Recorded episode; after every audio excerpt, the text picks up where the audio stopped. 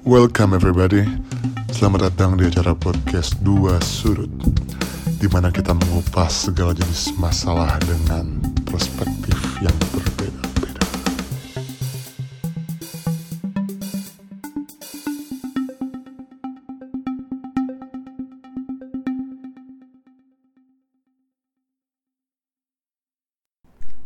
Halo guys, welcome back to Dua Sudut Podcast Channel and this is me Michael and Andy So today kita mau bahas apa Andi? Tentunya kita pasti dengan mood yang baru lagi, minggu yang baru, hari yang baru lagi So apa Andi yang mau kita bahas? Jadi hari ini kita mau bahas tentang eh, bagaimana recap untuk tahun 2020 sampai bulan Februari ini ya. Jadi kita mau bercerita tentang masalah-masalah yang terjadi mungkin dari kemarin awal tahun Jakarta banjir, terus ada virus corona. Jadi mungkin bercerita tentang kehidupan eh, ya kehidupan zaman sekarang lah. Ya tentunya kayak anggapannya tuh musibah bisa datang kapan aja gitu ya Andi Ya betul kita lagi mau membahas kejadian-kejadian saat ini yang fresh banget Ya, terjadi. betul banget Andi Misalkan kayak ada berita tentang Sunda Empire dan lain-lainnya, bener gak sih Mo? Bener sih Tapi menurut gue itu manusia itu makin individualis sih tahun ini Bener gak sih? Kenapa lu bisa ngomong kayak gitu sih? Karena contohnya kayak ada kayak kerajaan-kerajaan baru itu menurut gue itu eh, objektifnya konsep awalnya itu dia mikir karena mimpi dia itu nggak nyampe ke sana. Maksudnya mimpi nggak nyampe karena dia sebenarnya pengen pengen Dia pengen lah. Gue jadi sekjen tapi nggak mampu di Indonesia jadi dia bikin kerajaan baru. betul. Ya bisa jadi dong. Terus mungkin kalau dari dua perspektif yang beda ya, mungkin bagi dia itu obat untuk dia. Untuk Untuk, dia apa? seneng gitu loh maksudnya ya nggak sih? Ya, itu make sense juga sih untuk obat dia. Kira-kira mimpi yang nggak jadi kenyataan jadi kenyataan. Oh, maksudnya yang tadinya nggak mungkin tapi jadi mungkin karena dia bertindak seperti itu. Mungkin bisa jadi juga kayak gitu sih Di. karena apa tapi menurut gue itu bisa jadi pengalihan politik sih karena kan sekarang lagi banyak politik-politik lagi panas-panasnya nih tentang jiwasraya tentang apa tentang apa terus mereka itu pengalihan isu dengan cara membuat seperti itu ya isu-isu sosial seperti itu ya. Cuman kalau dari sisi kita flashback dulu deh sebelum sudah Empire mungkin di awal tahun ini kita semua berduka ya. Maksudnya karena banyak kejadian untuk banjir Jakarta dan sebenarnya karena gue juga kan sekarang lagi ngejalanin kerja di Jakarta ya. Gue sempat ngerasain juga bahwa bener-bener eh, lumpuh gitu. Jadi akses untuk kendaraan, untuk beraktivitas itu dari sisi bisnis, dari sisi oh banyak hal lah yang kadang gue pikirin kok bisa ya kejadian ini di awal tahun baru banget gitu. Mungkin itu hadiah dari sang pencipta untuk kita beli saham karena IHSG turun banget bener nggak nih Iya sebenarnya sebenarnya gimana ya? Gue bilangnya maksudnya kita kita mungkin berduka gitu ya untuk banyak hal yang terjadi. Jadi singkat cerita kayak kemarin gue sempat juga ngunjungin salah satu rekan kita eh yang terkena ini ya terkena banjir di sana. Terus awalnya gue skeptis gitu ya awalnya pas lagi gue datang tanggal 2 ya kalau nggak salah tanggal 1 tanggal 1 gue balik karena besoknya mau kerja. Itu gue cuma lihat di TV bahwa ada banjir gede terus eh, rumah terendam. Awalnya gue nggak mikir gimana gimana sih. Cuman at the end sampai gue datang ke sana terus dia bilang banjirnya sepinggang. Dia ceritain bahwa bener-bener rumahnya itu habis. Terus kayak waktu banjir itu jam setengah lima pagi dia bilang air itu udah semata kaki terus naiknya cepet banget sampai akhirnya sepinggang wah itu gue pas denger terus pas datang kondisi rumahnya eh, cukup bau apak dan lain segala macem itu gue sempat merasakan sedih banget sih so jadi lu beneran datang di itu ke rumah warga-warga atau cuma ngibul-ngibul doang Enggak, ini serius. Maksudnya ini bukan rumah warga, ini komplek. Jadi ceritanya itu ini komplek itu sebelumnya pernah terjadi banjir itu tahun 2007. Nah, salah satu rekan gua ini tuh dia baru banget nyicil rumah KPR 15 tahun dan ini itu pas kejadian banjir kemarin tuh baru bulan ke-7. Coba lu bisa bayangin gak sih maksudnya? masih 14 tahun tiga bulan lagi Makannya gitu kayak terus gimana ya maksudnya ketika kita ngobrol dia udah udah Depressed? ya sebenarnya sebenarnya nggak terlihat secara langsung karena ya di, disyukuri aja mungkin ya cuman dari cara ngobrol segala macam dia sudah sampai ngomong-ngomong ke tentang ini chatnya kodenya warna apa ya ntar kalau gue chat ulang gue harus beli ke mana. Jadi kan ya lu ngerti kan orang kena wabah atau orang kena musibah pasti terkadang banyak hal-hal yang tidak perlu dipikirkan dipikirkan gitu. So, kalau menurut gue kalau gue boleh kasih masukan mungkin karena kejadian ini di sisi pandang di sudut pandang gue mungkin kita harus lebih membagikan money management kita nanti Gimana sih? Maksudnya gue jadi gak paham nih money management. kalau di gue pribadi ya gue misalkan dapat income per bulan even gue punya usaha tapi gue tetap digaji Hmm, sisanya itu buat aset perusahaan oke. biar cash flow-nya jalan jadi gue bagi dari apa yang gue dapat itu hal buat senang-senang hal buat senang-senang hal buat belajar Oke, duit entertainment, duit, entertainment, belajar. duit entertainment duit edukasi Iya. duit buat kehidupan sehari-hari Oke. makan minum dan lain-lain habis itu duit buat ya buat investasi Oke. dan yang terakhir itu duit buat kejadian tak terduga Oh, jadi, jadi, gitu jadi kalau ada kejadian hal yang datang apa kita udah nggak ya udahlah emang kita harus pakai duit tak terduga kita ini sebenarnya gue jadi inget sih kalau pepatah lama bilang sedia payung sebelum hujan. nah gitu Andi jadi kayak ya anggapannya kita udah siapin sedi- siapin Sedini mungkin lah. sedini mungkin lah yang kayak gitu-gitu kayak gitu loh Karena sebenarnya kita nggak tahu ya kapan aja Iya, kejadian tidak terduga itu terjadi gitu. Ya bener sih ada benernya Michael. Contohnya temen saudara gue lah sepupu bukan saudara sepupu gue abis tabrakan mobilnya. Baru banget nih. baru dua bulan lalu kayaknya. Hmm. terus karena dia masih kuliah ya kuliah semester awal dia nggak mungkin bilang ke orang tuanya kalau dia nabrak. Tapi dia udah punya simpanan uang buat biaya tak terduga itu. Udah dia nabrak langsung dia benerin. Jadi kalau pulang ke rumah nothing tulus gitu. Oh, jadi udah nggak akan ada yang marah. iya gitu ya. karena dia udah siapin loh. Itu menurut gue itu hal yang bagus banget sih. Tapi itu jarang orang lain udah sediain bener nggak sih kayak gitu? Iya sih bener juga sih ya. Ada plus ada minusnya lah. Cuman kalau kita lihat lagi terus kayak selain banjir sekarang ada yang lagi happening banget katanya corona itu ya. Gimana sih pendapat lo tentang corona? Gue itu mau bahas tentang virus corona ini. Karena menurut gue itu ini menurut gue sama gue baca di Instagram sih ya Indonesia itu susah buat terkena corona. Karena dari Instagram siapa ya dia bilang Indonesia itu rokoknya tulisannya rokok membunuhmu tapi tetap diisap di. Ini kan corona kan.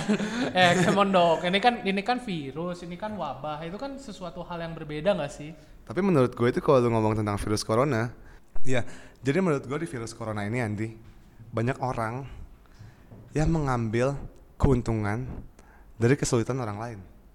Hah? Maksudnya gimana? Jual masker yang mahal-mahal sedangkan orang lain lagi menderita butuh beli masker. Anggapannya orang-orang dengan ekonomi yang lumayan ke atas menengah ke atas itu bisa beli walaupun 70 ribu 60 ribu dia masih bisa bayar 140 ribu malah hari ini. Tapi orang-orang yang kesusahan menurut mereka segitu mahal karena dia nggak ada budgeting buat beli yang kayak gitu. Tapi menurut gua itu sebenarnya esensi dari manusia sih. Ya di mana pun akan ada survival gitu. Hukum alam hukum rimba itu ya seperti itu bener nggak sih? Bener sih. Terus tadi gue mau ngomong itu masalahnya gini. Masalah apa tuh masalahnya tuh jadi kayak Indonesia itu udah kebal akan hal-hal kayak gitu nanti. Contohnya gorengan pakai plastik masih dimakan. itu emang bener pakai plastik kan Eh banyak loh. isu. Karena kan gue sering juga beli gorengan terus gue bakar dulu pakai lighter, pakai lighter terus masih ada. You know kan kalau plastik dibakar kayak gimana? Iya, iya. Nah kayak gitu. Ada juga terus kemarin banjir Indonesia masih pakai kolam renang. Padahal itu kan virus di mana-mana. Make sense nggak? Iya, iya. Iya kan Indonesia tuh udah tahan banting di soal-soal kayak gitu. Tapi masalahnya kan bukan seperti itu. Sekarang kan maksudnya kita waspada lah. Maksudnya ini kan virus yang benar-benar katanya wabahnya sangat mematikan. Waspada. Tapi menurut gue pribadi di sisi sudut pandang gue karena Apa, apa mungkin karena lu belum ngalamin aja nih, jadi belum ketar-ketir. Mungkin Bukan, nanti di bukan. podcast selanjutnya beda lagi nih cara pandang karena karena gini deh menurut gue itu orang-orang Indonesia itu tuh antibodinya kuat banget. Gue di waktu tinggal di Bali gue punya temen bule. Dia makan makanan pedas aja dia diare. Dia makanan makanan eh, apa namanya ayam goreng pinggir jalan gitu besoknya dia diare juga Oh mungkin tahan banting mungkin Ya, maksudnya. orang Indonesia tahan banting men orang kita tuh paling hebat soal-soal kayak gini men corona tuh cuma masalah sepele lah buat orang sini Wih, hati-hati lu. hati-hati lu. Ntar kita gak tahu guys, maksudnya kalau tiba-tiba ada kejadian kan gak ada yang tahu nih, kita tetap harus jaga-jaga lah. Itu sudut pandang Soalnya yang gue dapet tetaplah kita harus waspada, kita berjaga-jaga, melakukan apa yang kita bisa, bukan berarti juga kita menyerah gitu. Ya semua kejadian pasti ada eh, sisi baik dan positif, maksudnya sisi negatif dan positifnya. Tapi eh, di sini yang kita mau bahas adalah gimana cara kita menyikapi setiap kejadian, karena eh, setiap kejadian itu tergantung cara kita memandangnya. Masalah besar bisa menjadi kecil tapi masalah kecil juga bisa menjadi besar. Tetapi kalau kita udah nggak punya semangat nggak punya mental untuk survive untuk bangkit walaupun keadaannya kita sama-sama tahu terpuruk ya gimana gitu karena at the end lu sendiri yang bisa push diri lu supaya bisa maju bisa berkembang bisa balik lagi gitu bener gak sih Exactly bener banget Andi. Tapi menurut gua bukan menurut gua, gua mau nanya ke lu sih. Di. Menurut lu pandangan lu sudut pandang lu tentang orang-orang yang jual masker dengan harga tinggi itu gimana sih sekarang? Nah itu pro kontra sih gue sampai ngobrol sama dede gue ya maksudnya gue mau nanya lu aja soalnya ini. Ya, menurut lu kayak gimana sih? menurut gua Karena gue punya sudut pandang sendiri juga. Oke, dari sudut pandang gua ya, sebenarnya satu yang gua bisa highlight adalah gimana kesiapan government kita, terutama dari menteri kesehatannya masing-masing negara untuk menangani kasus-kasus seperti itu. Karena inflasi itu pasti akan ada karena ada demand, demandnya semakin tinggi tapi barangnya ya hukum ekonomi lah, maksudnya hukum ekonomi dasar. Nah sekarang pertanyaannya adalah semua orang kan intinya mau selamat ya bro. Kasar kata kan mau kabur nih dari virusnya gitu. Ya semua itu cuma cara mereka bertahan hidup cara mereka survive. Mungkin kalau kita balik ke zaman dulu itu mungkin survive-nya dengan cara membunuh binatang dengan cara misalkan berburu gitu. Ya itu cuman salah satu cara eh, untuk bertahan hidup kalau menurut gua dan gua nggak bisa bilang maksudnya nggak bisa menghakimi bahwa ada yang menaikkan harga mungkin karena mereka juga punya stok dan mereka meraup keuntungan ya kapan lagi dong kalau lu jualnya kemarin gua atau- lu, lu cuma boleh jawab iya atau enggak. Itu etis atau enggak? menurut gua Iya atau enggak? menurut gua menurut gua etis Etis. menurut gua etis karena karena kenapa di sini kita nggak ada yang bisa bilang benar atau salah jadi kalau dibilang etis nggak etis ya menurut gue etis aja itu hak haknya mereka kok mereka yang punya harga Emang bener nggak sih punya hak, tapi kan ada ada bisnis etik loh namanya. Betul. Nah, tapi kalau dari sisi etika, maksud gua nih kalau misalkan lu sendiri di posisi itu, bayangkanlah misalkan lu punya banyak masker atau mungkin lu nggak punya masker dan lu butuh. Tiba-tiba lu lihat harga masker sekarang udah 100.000 ribu ke atas. Coba lu pikir deh, jadi orang yang membutuhkan itu gimana rasanya? Mungkin lebih feel empatik aja kali ya. Oh iya, karena menurut gue itu kebanyakan orang sekarang itu yang balik ke topik awal gue bilang individualis di. Karena mereka yang penting gue cuan, orang lain mah bodo amat. Make sense gak sih? Make Itu sense. kembali ke kata-kata gue waktu awal. Jadi kalau menurut gue itu itu nggak etis sama sekali di karena kebanyakan itu karena gue diajak juga di sama temen gue. Eh mau nggak yuk invest ke gue 500 juta yuk kita beliin masker. Paling berapa berapa minggu udah jadi 1 m, 1 m setengah, 2 m. Ya gue tetap nggak mau gitu karena anggapannya tuh gini supply di Cina itu udah dikit demandnya masih banyak. Makanya Cina butuh import dari negara-negara tetangga. Orang Indonesia punya banyak supply makanya dia jualin harga tinggi ke Cina juga di itu ekspor ke Cina loh. Bukan buat kita pakai di Indonesia. Orang Indonesia masih jarang yang pakai masker. Jadi orang Cina yang udah sakit yang udah butuh banget masker terus orang kita jualin ke mereka dengan harga tinggi. Lu kebayang gak sih Di, kayak gitu? Iya sih. karena gue baca di instastory temen gue gitu kayak di sana tuh ada orang lah pokoknya orang Indonesia chat ke temannya di Cina. Gue lupa nih di, di instastory siapa dia bilang eh mau nggak beli box ini? Gue punya gue punya berapa berapa ratus ribu box gitu kalau nggak salah. Terus orang Cina bilang man bro lu gila di sini kita itu lagi bener-bener kebutuh butuh banget akan hal itu kayak gue bisa lihat orang sebelah gue itu nangis ibu-ibu. Lu lihat gak sih ada ibu-ibu nutupin mukanya pakai tangan di bus dia nangis karena dia nggak punya uang buat beli masker loh. Masker udah mahal banget atau gimana ceritanya gue nggak tahu. Pokoknya dia nangis gak punya masker. Terus kita orang yang di story itu bilang kayak lu masa mau ngambil untung meraup keuntungan dengan kondisi kita yang lagi kayak gini? Di mana dong empati lu? Kayak gitu loh di.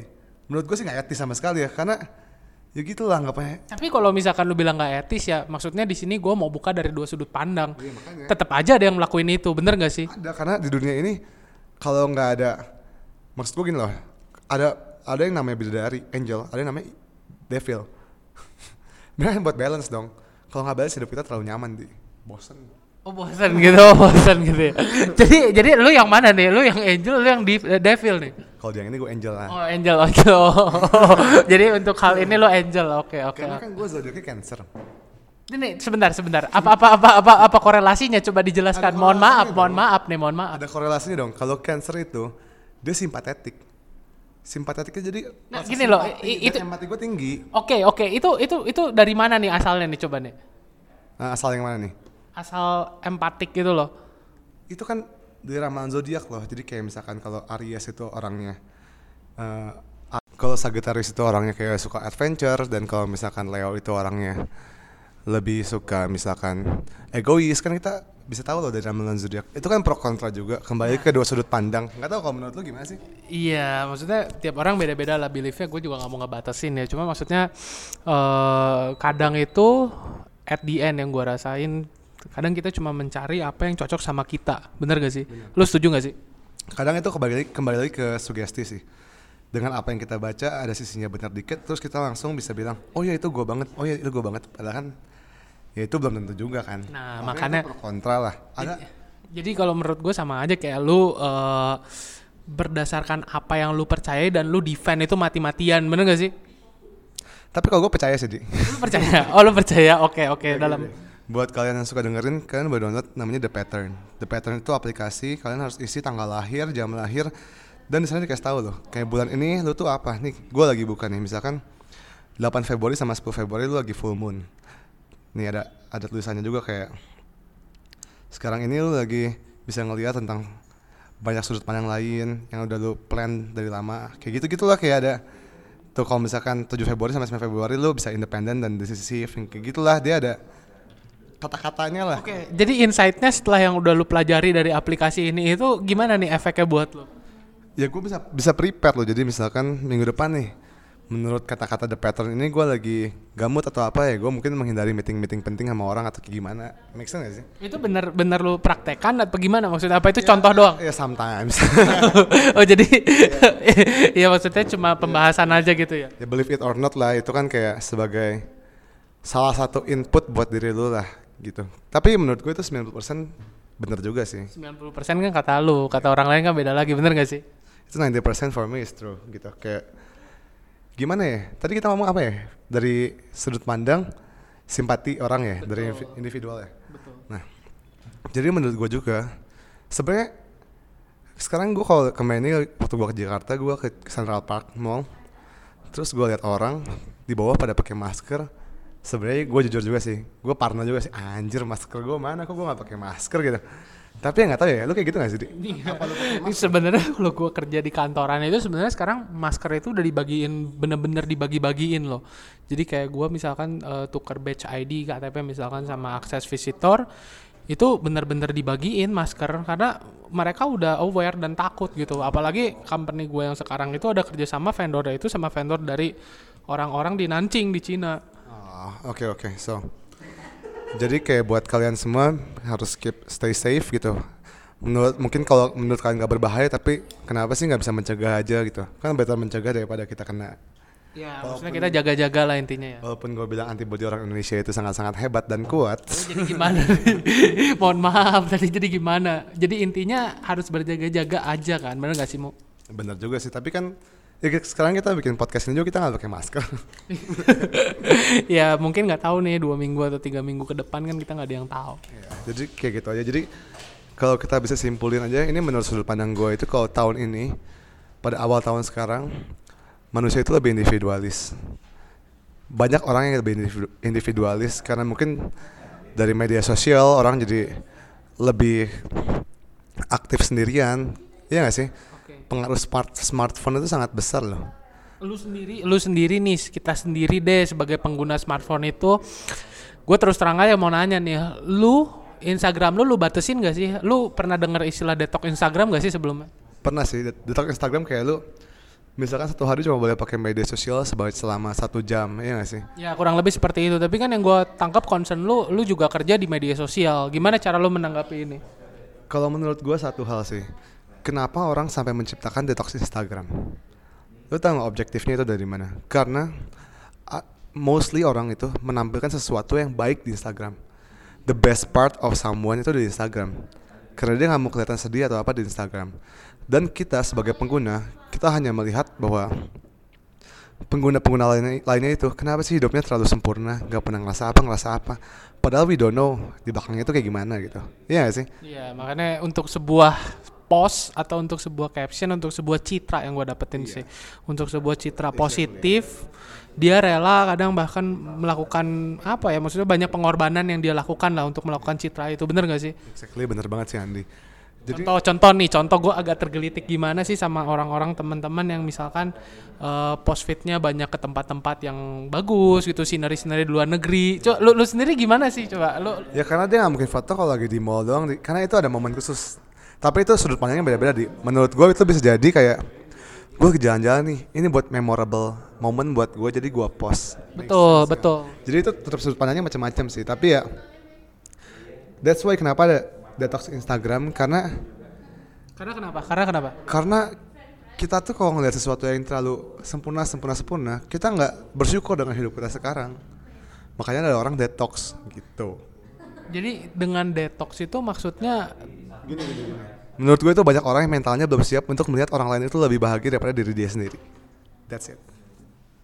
Oke, berarti intinya kita envy dong, kita iri dong sama kesuksesan orang lain. karena karena manusia itu pada dasarnya itu bersaing. Ini lu manusia apa bukan sih kayaknya? Ini anggapannya nih kita dari sebelum lahir kita itu dari ribuan ratusan ribu sperma kita tuh bersaing sampai satu yang masuk ke sel telur. That's why manusia itu envy egois dan juga mereka pengen bersaing. Karena dari awalnya tuh kita udah bersaing sama orang-orang lain. Oke, makanya kalau lu baca buku The Power of Habit itu ada namanya rangsangan rutinitas dan juga ganjaran. Ganjaran itu orang suka dibilang lu bener lu hebat. Makanya itu ada rutinitas. Kayak gitu. Jadi orang itu itu loh bersaing ingin kemenangan. Yang menang happy kayak gitu loh jadi kayak kita tuh merasa kalah ngeliat orang lain happy Oke, kita oke. nggak happy gitu oke, gue nangkep poinnya. Tapi sekarang gue balikin deh. Lu percaya nggak sih ada istilah mengalah untuk menang? percaya tapi itu khusus orang-orang dengan mental yang tinggi doang menurut gua sekarang sekarang ini orang mentalnya belum cukup untuk ke sana Oke, jadi menurut itu bisa jadi cuma pembelaan diri Oke oke oke. Jadi contoh kasusnya gimana nih? Kita langsung kita mungkin pakai real life case aja lagi. Kayak gimana contohnya? Misalkan lu lagi ribut sama temen lu lagi adu mulut lah adu, adu pendapat terus kayak gue bilang lah ya udah terserah lu aja lah gue capek mengalah untuk menang. Jadi dong. Hmm. Padahal yang salah lu gitu. eh padahal bisa jadi orang belain dirinya karena dia nggak salah atau apa. Itu tetap aja baiknya ke dari sudut pandang sih. Karena semua orang itu punya perspektifnya masing-masing. Dan kita nggak tahu itu benar atau salah. Karena kan kayak gue pernah bilang kayak 10 itu bisa 5 tambah 5 dua kali 5 we don't know the truth gitu Iya gak sih? Yang kita tahu cuma prosesnya aja. Oke. So jadi gak boleh banget menghakimi orang, tapi di sisi lain juga kita harus punya prinsip yang kita pegang. iya gitu. Kayak kita harus punya prinsip. Prinsip itu emang susah sih dicarinya sih. Dan susah untuk dilakukan karena prinsip itu mengandung komitmen. Iya gak sih? Ya kalau bahasa gue sih walk the truth ya, maksudnya walk the talk lah. Jadi apa yang lu lakukan harus selaras lah dengan apa yang lu katakan dan sebaliknya. Ya kayak gitulah pokoknya jadi kalau bisa dibikin summary-nya gimana Andi summary buat hari ini Ya summary-nya mungkin dari sisi tadi mungkin individualis gitu. Dari semua kejadian yang di awal tahun ini kita rasakan, mungkin kita harus punya sikap untuk berempati. Jadi eh, boleh lah maksudnya banyak orang individualis, tapi mungkin kita punya perspektif pandang lain tentang hal itu. Dan kita maksudnya berusaha mencoba dengan eh, apa yang kita bisa untuk membantu sesama rekan-rekan kita. Dan juga tadi masalah etika gue juga kan dapat dari lu tentang masalah masker. Kayak misalkan etis apa nggak etis sih? Ya itu sebenarnya balik lagi ke prinsip kita. Dan sebenarnya sini kita pengen sharing ya bahwa nggak ada yang benar nggak ada yang salah. Semua kita balikin lagi ke kalian yang dengerin.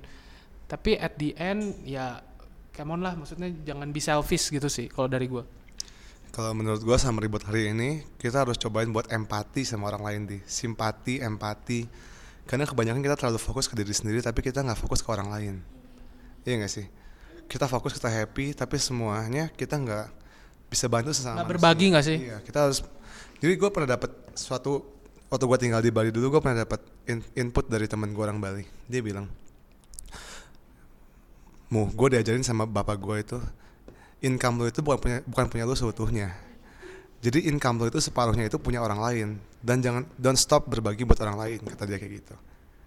Lu rezeki gak akan habis-habis men karena itu tuh bagian punya orang lain juga gitu. Jangan lupa ber- berbagi. Simpati dulu, simpati, lu bangunin rasa simpati baru lu bisa berbagi. Dan cobalah lu bisa membantu orang-orang dengan lingkungan terdekat lu dulu.